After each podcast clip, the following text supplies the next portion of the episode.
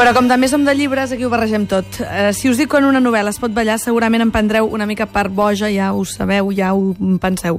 I si us assegureu que un espectacle de dansa ha estat en, en cartellera per mig món gairebé 10 anys, ja creieu que us menteixo directament. Però si aneu fins diumenge al Mercat de les Flors, veureu que tinc raó. Aquests dies hi fan oleles, no sé si ho hem de pronunciar així, Molt bé, Isar. Montse, molt bé. Oleles, M'han dit la, la pronunciació, dièresi. la pronúncia original en hongarès és més complicada, és Segur. Olelesh, una cosa així, però Oleles està bé, és com ho diuen els seus creadors. Doncs una de les grans fites de la dansa contemporània catalana està basada en el llibre L'última trobada de Sandor Marai i després d'estrenar-se ara fa 10 anys ha girat per 25 països diferents i avui doncs, volem conèixer una mica els secrets d'aquest muntatge. La Mireia Isar ha parlat aquesta tarda amb ells Doncs i, sí, perquè, i ens com deies, una miqueta tot això. És, uh, Oleles va ser una mica un abans i un després de la dansa contemporània catalana i ara se celebren els 10 anys de la seva estrena amb aquestes dues setmanes al Mercat de les Flors, ja n'han fet una, teniu temps fins diumenge, i nosaltres avui, per saber com ha anat aquesta, aquest retrobament amb l'espectacle, hem parlat amb els coreògrafs i ballarins, en Jordi Cortés i en Damián Muñoz.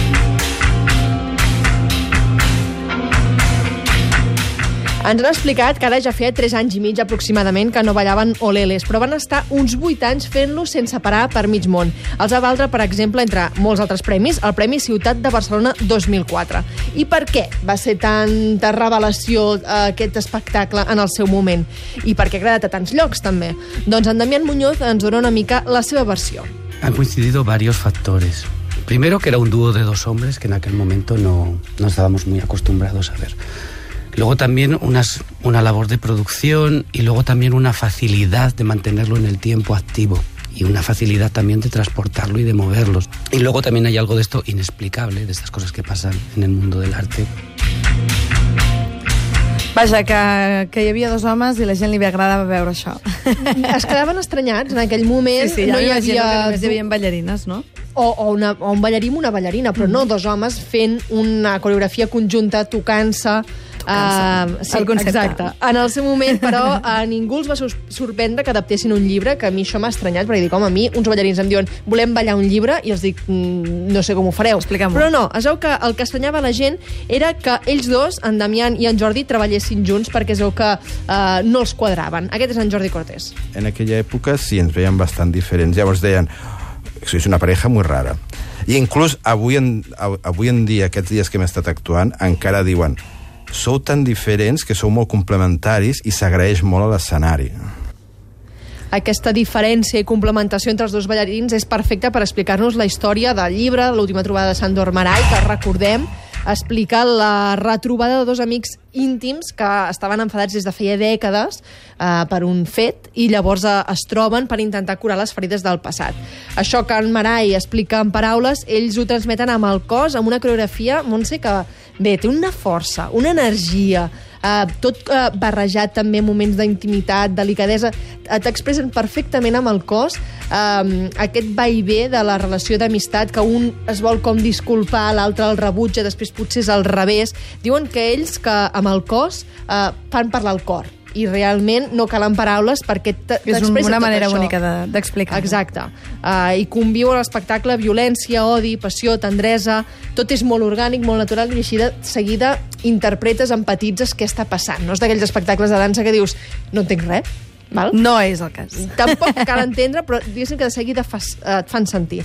Al final és que acaba sent una extrapolació de qualsevol relació. Que en el fondo el arte sí es eso, ¿no? Es el lo, lo mínimo evocando a lo máximo. Y entonces aquí se parla, ¿no? hablamos de una cosa muy, muy mínima, que es la relación entre dos, pero claro, lo puedes elevar a, a toda la humanidad, ¿no? A lo que somos, a, hasta el animal, cómo se defiende y cómo luego tiende a buscar el cariño y al final es una lucha contra la soledad, ¿no?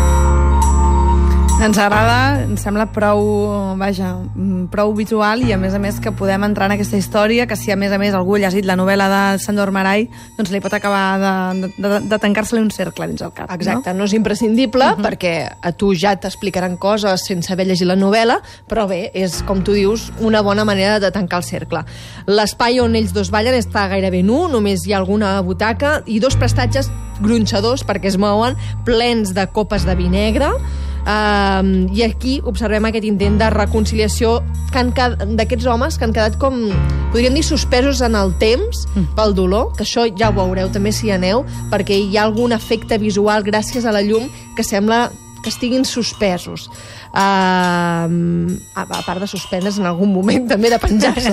La il·luminació, de fet, és una gran companya d'escena d'en Jordi Cortés i el Damián Muñoz. Sí, es un personaje más, es el iluminador de toda la vida con el que nos entendemos muy bien. Bueno, y es una persona que sabe contar a través de, de la luz. Y también las cosas que se han cambiado esta vez para de luz, también le da un toque mucho más arquitectónico y la sensación más de, de Boyer. No hem fet cap canvi important amb aquest temps, Montse. El... Sí, encara els hi funciona, encara els hi funciona i el tenen com des del principi. Sí, i a més el que volien era que el repte era aconseguir que fos igual que en aquell Mhm. moment.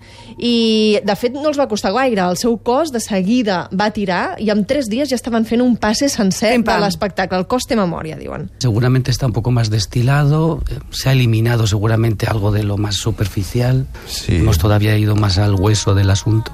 Y está como más enraizado. Está- Sí. Yo lo encuentro mucho más profundo. Escolten, estar molt contents. Home, sí. A més, ja han anat sumant totes les vivències que han viscut pel món eh, També durant aquest temps. suposo. Exacte, diuen que això els ha fet donar més, eh, això, més matisos, no? l'espectacle que tingui més força. I és que, a més a més, portar oleles per tants països els ha fet molt conscients, encara més, podríem dir, de les diferències culturals, perquè tot arreu eh, la dansa és tan abocadora que s'interpretava de maneres diferents i en alguns casos fins i tot aixecant polèmica. Es sorprendente cómo cambia y cómo se aprecian las cuestiones artísticas eh, basando una frontera. Y hay sitios que eran muy bienvenido y hay sitios que les producía un poco de así extrañeza, sobre todo el hecho de ver dos hombres bailando juntos. ¿no? Això han tingut algun problema, eh? No ens ho han explicat gaire, però depèn del lloc. déu nhi com a mínim no els hi ha passat com els del Charlie Hebdo. No? Tot ha passat... De... Tot ha estat així. Tot Doncs sí, això. si teniu ganes de veure què us provoca a vosaltres o l'Eles, teniu temps de veure-la fins diumenge al Mercat de les Flors. Si aneu, a més a més, també trobareu una exposició de 10 anys d'aventura d'aquest muntatge, fotografies de diferents festivals i la possibilitat de veure un curtmetratge de Clara Van Gol basat en l'espectacle i premiat també a diferents festivals.